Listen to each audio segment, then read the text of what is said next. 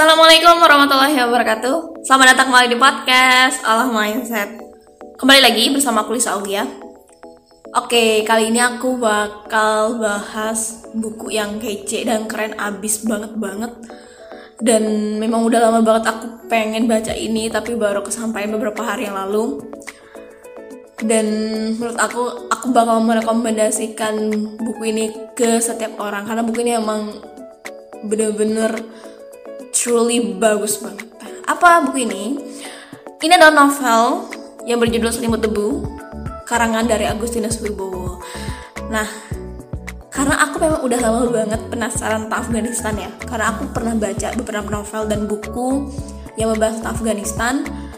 Aku cuma taunya keadaan dan situasi di Afghanistan pada abad ke-20 ketika mereka dijajah Uni Soviet, terus diduduki sama Taliban dan ketika Taliban jatuh udah sampai di sana gitu. Tahu keadaan mereka dan aku tuh berkali-kali bertanya gitu uh, sekarang tuh kayak gimana ya keadaan di Afghanistan? Apakah sudah sudah terjangkau modernitas? Apakah sudah ada perubahan? Sudah ada fasilitas-fasilitas seperti sekolah jalanan dan juga air bersih dan lain dari itu emang aku pengen sekarang pengen Afghanistan tuh gambarannya seperti apa. Dan bener sekali jawaban dan pilihan aku tuh bener banget untuk membaca novel ini. Nah sebenarnya novel ini tuh ada tiga seri sampai jadi yang pertama tuh semua debu terus garis batas dan yang terakhir ada ga, ada titik nol. Dan ini tuh sebenarnya bukan kayak bersambung bersambung gitu ya. Ini tuh melanjutkan perjalanan-perjalanan Agustinus Wibowo di negara-negara di Asia Tengah dan selimut debu ini membahas tentang Afghanistan. Sebenarnya tidak keseluruhan membahas Afghanistan. Ada juga dia membahas sedikit tentang Pakistan dan juga Iran. Tapi kalau bisa aku bilang 80% novel ini membahas Afghanistan. Nah uniknya kenapa sih? Uniknya adalah novel ini menyajikan detail dan juga apa ya secara mendalam Afghanistan itu sekarang seperti apa sih? Dan novel ini bukan seperti novel yang kalau kita bisa bilang novel hiburan novel yang bikin lo enjoy bisa bisa lo nikmati sambil ngopi sambil ngeteh sore sore kalau gue bilang novel ini lebih dari itu. Novel ini benar-benar apa ya membungkus keseluruhan Afghanistan dalam sebuah karya. Dan pembahasan di sini ini bukan cuma pembahasan kisah romantis seperti biasanya novel-novel atau misalnya kisah misteri. Ini novel yang berdasarkan kisah nyata dari perjalanan Agustinus Wibowo mengarungi begitu dahsyatnya alam dan juga kerasnya hidup di Afghanistan.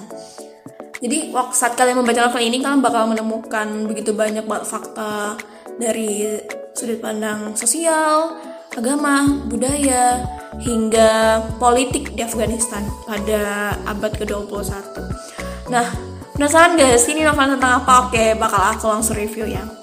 Jadi novel ini dikarang oleh Agustinus Wibowo, kelahiran 8 Agustus 1981 dan ini merupakan anak bangsa dari daerah Lumajang. Dan novel ini sudah diterbitkan pada tahun 2010. Nah, kalau aku sih ya, kalau aku sebagai seseorang seorang pembaca dari novel ini, aku sangat merekomendasikan kalian untuk membaca. Kenapa? Nah, di sini aku bakal bahas. Di novel ini, novel ini benar-benar bener-bener detail banget menjelaskan tentang Afghanistan dan gak cuma dari sudut pandang yang biasa kita lihat di berita-berita di media-media bahwa Afghanistan itu negara konflik, negara bom, patriarki, terus lagi ekonomi hancur lebur, iya itu bener. Tapi di sini Agustinus Wibowo tuh menyajikan Afghanistan dengan lengkap, nggak cuman dari sisi negatifnya aja, nggak cuma dari sisi keruntuhan dan kehancuran mereka tapi juga dari sisi manus uh, manusiawinya humanismenya terus sisi-sisi yang jarang banget lah diungkapkan. Kita mulai dari tentang Afghanistan dulu. Jadi Afghanistan itu di sini jelaskan bahwa mayoritas penduduknya itu dari etnis Pashtun dan juga Hazara. Nah kalau Hazara itu dia lebih ke ras Mongoloid lebih matanya agak sipit terus be, apa kulitnya lebih cerah dibandingkan Pashtun dan memang situ jadi konflik antara Pashtun dan Hazara. Karena kalau karena memang mayoritas di Afghanistan tuh lebih ke Pashtun dan memang kebanyakan orang Pashtun itu kurang suka sama Hazara. Dan begitu juga sebaliknya. Jadi bisa bilang sering timbul konflik di antara kedua etnik uh, kedua etnis ini. Nah kalau kita misalnya ngomongin Afghanistan emang bener Afghanistan itu banyak sekali terjadi bom bom bunuh diri uh, penembakan terus juga belum lagi penculikan dan lain sebagainya banyak sekali terjadi. Bahkan uh, kalau diceritakan di sini sebenarnya saat pertama kali Agustinus Wibowo itu ke Afghanistan kan tahun 2003 saat 2003 itu sebenarnya Afghanistan itu masih masih sama mencekam juga penuh konflik. Cuman 2003 itu belum apa ya belum tersentuh modernitas Afghanistan ya. Bahkan ketika orang-orang Kabul melihat melihat orang asing ya itu mereka kayak ngelihat sesuatu yang unik sesuatu yang yang apa ya kayak sesuatu yang yang benar-benar menarik banget. Nah lalu setelah itu Agustinus Wibowo balik lagi ke Afghanistan pada tahun 2006 dan dan Agustinus Wibowo ini penulis ini benar-benar terkejut sekali melihat perubahan Afghanistan kayak aku aja terkejut banget ya. Aku benar-benar nggak tahu sama sekali bahwa Afghanistan itu pada tahun 2006 di Kabul tepatnya itu itu udah punya mall. Dan nama mallnya Kabul City Center. Bisa bayangin nggak sih? Sebuah mall besar megah berdiri di wilayah yang itu kumuh penuh debu penuh pengemis dan itu ada di sana. Dan kalau pikir itu nanti siapa pembelinya ya siapa pelanggannya? Dan banyak banyak pelanggannya dan di atas di atas mall itu ada hotel namanya Hotel Safi Landmark. Dan benar-benar udah kelihatan lah kemewahannya. Namun sayang sebenarnya dari balik modernitas ini sebenarnya tidak membantu banyak atas apa ya porak-poranda yang terjadi di Afghanistan. Kenapa bisa kayak gitu? Karena Afghanistan itu gambarnya tetap tidak berubah. Walaupun sudah ada mall sudah ada hotel di situ terus banyak sekali rumah-rumah mewah di Kabul kayak kalau penulis bilang kayak kita ngelihat apa uh, perumahan-perumahan mewah di Jakarta itu ada di Kabul. Tapi itu tidak mengubah fakta bahwa Kabul Kabul itu masih suram masih ekonominya masih jauh dari kata baik. Sedihnya adalah di sini penulis mengungkapkan bahwa kemiskinan, kemaratan, kesedihan dan juga keterpurukan dari warga-warga Afghanistan itu dimanfaatkan oleh begitu banyak orang-orang asing di luar sana. Mereka bukannya membantu tapi memanfaatkan keadaan tersebut untuk memenuhi kebutuhan mereka sendiri, keegoisan mereka sendiri. Nah, Walaupun di Kabul itu ya sudah ada mall, sudah ada hotel, sudah ada perumahan-perumahan elit, tidak bisa ditentang bahwa banyak sekali perumahan-perumahan kumuh di sana. Dan itu perumahan-perumahan yang jadi memang banyak memang berbukit-bukit ada apa memang ada banyak bukit di sana dan di bukit-bukit itu semakin tinggi bukitnya semakin banyak rumahnya dan semakin sulit mereka mengakses begitu banyak banget hal. Kita pikir aja ya semakin tinggi bukitnya sedangkan mereka kendaraan cuma seadanya? Kayak keledai seperti itu. Jangan jangan bayangkan ada motor ya. Mereka harus turun turun dari bukit yang begitu tinggi itu untuk ngambil air. Itu setiap hari seperti itu. Bisa dibayangkan dong bagaimana capeknya usahanya hanya untuk air gitu. Ini baru air belum lagi mereka harus nyari pekerjaan harus nanti ke bawah untuk ke pasar dan sebagainya. Itu realitas tapi ini baru realitas kecil dari apa yang terjadi di Afghanistan. Dan kalau misal memang ada tadi Kabul City Center gitu tidak ditampilkan bahwa di Kabul itu ada bazar kalau bisa dibilangnya Kabul Bazar itu realitas yang terjadi di Afghanistan. Itu yang sebenarnya Afghanistan yang tadi terlihat mungkin ditutupi oleh kemewahan mall dan juga hotel beserta rumah-rumah mewah realitas sebenarnya itu ada di Kabul Bazar kenapa? Di sini tempat pasar sebenarnya orang Afghanistan. Di situ aduh, banyak banget pengemis. Dari anak-anak kecil yang nggak pakai baju karena memang nggak saking nggak punya lagi. Sampai ada yang nggak punya kaki atau nggak atau kehilangan tangannya. Orang-orang tua wanita-wanita apa perempuan-perempuan janda yang mereka tetap pakai burko itu sambil menggendong anaknya mengemis dan kita nggak bisa itu bener-bener banyak banget pengemis di situ. Dan apa ya bukan cuma itu gitu realitas yang ditampilkan di, yang bukan cuma itu realitas yang ditampilkan di sana. Karena ini baru baru sebagian kecil dari dari orang-orang yang memenuhi seben, uh, kehidupan nyata di Afghanistan. Nah aku tuh memang dulu kan pernah dulu pas sering banget ya nyari-nyari beasiswa ke luar negeri. Kayak pertukaran pelajar seperti itu. Walaupun gak ada dapet sat, uh, satupun. Dari salah satu website yang website itu website luar negeri. Aku emang sering banget nongkrong di situ waktu kayaknya dua tahun yang lalu. Aku tuh heran ya aku tuh sering banget nemu um, penyedia-penyedia beasiswa itu pasti eligibility atau persyaratannya itu wanita Afghanistan. Siswa dari Afghanistan. Perempuan dari Afghanistan. Itu emang kayak ditunjukkan khusus untuk orang Afghanistan. Acara-acara tersebut. Dan mostly memang ditujukan untuk perempuan. Terus aku mikir ya saat itu wah kayaknya sekarang Afghanistan udah lebih maju nih. Udah banyak banget kesempatan-kesempatan yang dibuka untuk orang Afghanistan terutama untuk uh, perempuan-perempuannya. Mungkin mereka nanti bisa lebih berkembang lebih mendapatkan perhatian dari publik untuk bisa mengenyam pendidikan dan sebagainya. Tapi ternyata saat aku baca novel ini aku tahu gitu. Ternyata itu tidak seindah yang dilihat. Faktanya, lebih dari 25 miliar dolar digelontorkan untuk Afghanistan.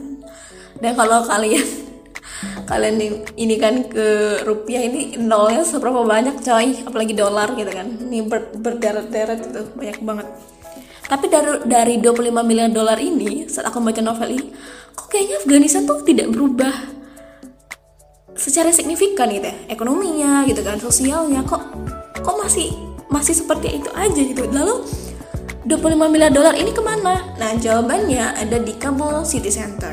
Karena di sini Kabul City Center ini banyak banget diisi sama orang-orang asing expatriate dan ini sih sebenarnya menjadi jawaban bahwa 25 dolar mau ratusan juta dolar pun digelontorkan ke Afghanistan ya ini mereka-mereka ini yang memakan uang-uang tersebut. Karena memang benar bahwa tidak bisa ditampilkan begitu banyak sekali organisasi-organisasi internasional yang membuat proposal, membuat pokoknya membuat pendanaan dan begitu membuat banyak sekali keinginan-keinginan mereka untuk membangun Afghanistan. Tapi sayang, kebanyakan dari organisasi-organisasi internasional ini, ini cuma menggunakan uang tersebut atau uang-uang yang mereka dapatkan dari banyak dermawan-dermawan di dunia itu untuk kepentingan mereka sendiri. Dan ini terjelaskan di dalam novel ini secara gamblang. Seperti contoh staf asing ya, ketika mereka ingin misal mereka pengen membuat sebuah proyek di Afghanistan, entah itu sekolah, entah itu mungkin membangun lembaga politik dan lain sebagainya, itu biayanya sangat besar sekali. Biayanya bukan untuk membangun kemajuan untuk Afghanistan nggak sama sekali. Proyek ini ini kan bakal nanti dibangun sama orang-orang asing ya. Dimulai dari konsultan terus nanti orang-orang pekerja yang bakal menyusun menyusun konsep tersebut. Ya belum belum lagi staf-staf ahli dan semua ini berasal dari staf asing. Dan karena memang Afghanistan ini sebuah negara konflik kalau bisa dipikir siapa sih yang mau ke Afghanistan? Kecuali kalau mereka ini nggak dikasih uang yang berlimpah biar mereka mau bisa kerja di Afghanistan. Dan memang benar Rata-rata staf asing di Afghanistan itu dibayar 8.700 dolar per bulan. Dan ini sama dengan penghasilan pengemis di Afghanistan selama 25 tahun. Sedangkan staf, staf asing ini bisa mendapatkannya per bulan. Gak cuman itu. Ini tuh baru staf ya. Petinggi-petingginya itu itu bisa digaji 22.000 dolar per bulan. Bisa dipikir dong betapa jauhnya perbedaan ini. Dan kebanyakan dari staf asing ini bilang ya untuk apa uang banyak tapi nggak dapat kemerdekaan tapi nyatanya gaji-gaji mereka yang benar-benar berlimpah ini nggak sedikit pun membantu orang Afghanistan. Mereka berlindung di balik tembok-tembok kokoh di balik rumah-rumah mewah di balik hotel-hotel mewah di balik tempat makan mewah. Di selain itu mereka juga menghabiskan uang mereka untuk berpesta, untuk having fun di mall, entah itu mengadakan pesta-pesta besar bersama orang-orang asing lainnya. Belum lagi nanti makan di tempat yang mewah. Semua uangnya habis ke sana dan staf asing ini selain mendapatkan gaji yang luar biasa besar mereka juga mendapatkan nanti cuti untuk libur mungkin sekitar satu bulan. Ketika mereka sudah belajar uh, sudah bekerja beberapa bulan di Afghanistan mereka bakal dapat libur liburan terus nanti dikasih uang juga dikasih asuransi. Dan ini adalah sumber hilangnya uang-uang yang semestinya untuk membangun Afghanistan semestinya menyelamatkan orang Afghanistan masuk ke perut-perut mereka ini. Perut-perut rakus yang otak cerdasnya itu bukannya untuk membantu tapi untuk menipu. Dan emang bener pernah petinggi PBB itu ditangkap karena melakukan korupsi dan korupsi itu setengah juta dolar dia gunakan untuk keperluan pribadinya. Membeli rumah mewah membeli mobil mewah atau melakukan investasi di Dubai dan lain sebagainya. Dan nggak cuma berhenti di situ banyak sekali banyak sekali organisasi ini menjamur di Afghanistan mulai dari katanya membangun jalanan mulai dari katanya membangun sekolah-sekolah atau mendidik perempuan-perempuan di Afghanistan. Padahal padahal realitas dan faktanya tidak sama sekali. Bohong. Bener-bener ini cuma bisnis dan proyek yang mereka bangun untuk diri mereka sendiri. Ya alias mereka di sana cuma untuk seneng-seneng aja. Padahal apa ya nggak bisa di, diperkirakan begitu banyak banget bahkan diperkirakan sekitar jutaan anak jalanan dan ada janda korban perang di Afghanistan. Dan dari sini kan bisa dibilang gitu betapa Afghanistan tuh bener-bener butuh pertolongan. Bener-bener bagaimana sih gitu kita bisa membantu negara penuh debu penuh konflik penuh penuh kesedihan ini gitu. Tapi semakin miskin Afghanistan semakin sulit Afghanistan semakin banyak orang-orang asing yang berbondong-bondong ke Afghanistan semakin banyak rumah-rumah mewah itu bukan milik orang Afghanistan tapi milik orang asing. Dan sayang sekali gitu. Hal ini menjadi fakta yang yang yang menyadarkan aku juga gitu. Jangan sampai kita sering banget ngeliat oh organisasi ini ke Afghanistan membantu ini membantu ini. Karena buktinya ya kita bisa lihat sekarang Afghanistan, itu masih sama gambaran mereka masih sama. Tidak ada yang berbeda. Sedikit sekali perubahannya. Nah untungnya penulis ini bertemu dengan salah seorang apa ya orang asing yang masih benar. Yang benar-benar mau mendedikasikan hampir setengah abad dari hidupnya untuk Afghanistan. Namanya Nancy Hutch Dupre. Dia merupakan kalau bisa dibilang apa ya orang asing yang tinggal di Afghanistan. Sudah berpuluh-puluh tahun dia tinggal di Afghanistan. Bahkan saat penulis ini bertemu dengan Nancy ini umurnya sudah 80 tahun. Nah Nancy ini memang dia aktif di Universitas Kabul. Selain itu, penulis ini kenal Nancy ini dari tulisannya. Jadi dia penulis An Historical Guide to Afghanistan yang diterbitkan pada tahun 1977 yang dia di situ menjelaskan tentang Afghanistan. Dan kerennya lagi dari Nancy ini apa? Dia sering banget apa ya memantau dan dan benar-benar menyelidiki secara khusus apa sih kegiatan organisasi-organisasi internasional di Afghanistan? Bahkan sering sekali dia menyorakan keprihatinannya dan juga apa ya kekecewaannya terhadap begitu banyak organisasi internasional yang hanya memenuhi um, memenuhi keinginan mereka sendiri. Alias ya mereka di Afghanistan cuma untuk perut mereka sendiri gak mikir di, tentang orang-orang Afghanistan. Di dan dan sini sering banget mengungkapkan fakta-fakta tersebut di forum-forum internasional pengen membuka begitu banyak banget hati-hati orang mengetuk begitu banyak hati nurani begitu banyak orang di dunia bahwa sebenarnya gitu jangan sampailah gitu. Kita ini orang asing malah memanfaatkan kemiskinan dan kemelaratan dari Afghanistan. Nah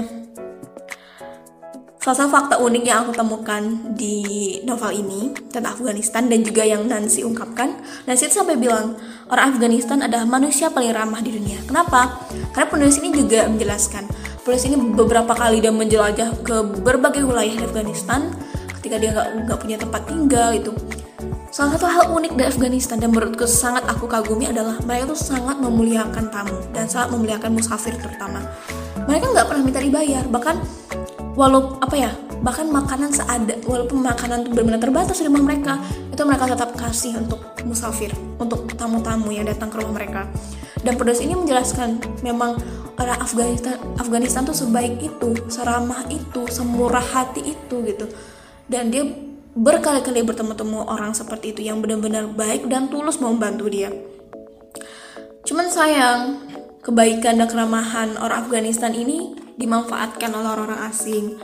Yang itu tadi banyak banget pendatang-pendatang asing yang datang ke Afghanistan bilangnya mau bangun ini bangun ini tapi bohong. Cuma untuk meraup begitu banyak uang untuk diri mereka sendiri. Belum lagi banyak banget tuh organisasi internasional yang menggaungkan atau menggemakan ayo kita men, mendirikan demokrasi di Afghanistan. Kita membebaskan wanita-wanita Afghanistan dari dari dari begitu besarnya begitu kuatnya patriarki di sana. Padahal Nancy bilang Afghanistan tuh nggak butuh kesetaraan gender udah ada kesetaraan gender di Afghanistan. Dan sedih sekali begitu banyak pengaruh-pengaruh asing, orang-orang asing yang ke Afghanistan, seakan-akan mereka tuh tahu Afghanistan. Padahal orang-orang asing ini, orang-orang yang dari organisasi internasional ini, mereka nggak pernah tinggal sama Afghanistan, orang Afghanistan itu. Mereka nggak pernah tahu kondisi Afghanistan itu seperti apa. Mereka tuh apa? Mereka cuma tinggal di hotel, rumah mewah, dengan internet yang lancar, air yang lancar, listrik yang yang tidak pernah padam, tapi mereka nggak pernah paham sebenarnya apa sih yang terjadi di sudut-sudut Afghanistan? Sebenarnya apa sih yang benar-benar dirasakan dan dan penderitaan yang benar-benar ada di Afghanistan? Dan itu Nancy itu sampai bilang gitu. Tidak perlulah menggemakan, menggaung-gaungkan begitu banyak kesetaraan gender lah di Afghanistan gitu. Karena dia juga sedih melihat bahwa Afghanistan tuh sangat menjunjung tinggi tata moral ya. Apalagi tata krama atau tata moral. Benar-benar sangat menjunjung tinggi tapi lihat orang-orang asing nih, datang ke Afghanistan, memakai baju seadanya, bahkan melihatkan lukuk-lukuk tubuh. Padahal orang-orang Afghanistan itu sangat menjunjung tinggi gitu agama mereka untuk menutup aurat. Tapi orang-orang asing ini tidak peduli. Dengan tanpa malunya mereka datang seenaknya meng menggeruk semua yang ada di Afghanistan dan lebih dari itu menghancurkan hati-hati orang Afghanistan, menginjak-injak agama mereka, menginjak-injak budaya mereka, menginjak-injak adat mereka. Tapi tidak semua orang asing di sana seperti itu. Karena memang ada beberapa segelintir orang yang benar-benar tulus pengen membangun Afghanistan. Dan seperti contoh ada Palang Merah Internasional di Afghanistan yang mereka benar-benar benar-benar berbaik hati, benar-benar mau mengorbankan diri untuk menolong Afghanistan, orang-orang yang cacat, orang-orang korban perang, bahkan orang-orang yang terkena ledakan bom dan lain sebagainya. Dan apa ya banyak banget sih sukarelawan juga di Afghanistan yang benar-benar mereka mau nih menerobos alam Afghanistan yang benar-benar garang ini untuk bisa membangun dan dan bisa memberikan sedikit dari apa yang mereka punya untuk Afghanistan. Nah, setelah aku membaca fakta-fakta itu aku sadar kalau apa ya itu kenapa Afghanistan itu tidak berubah banyak.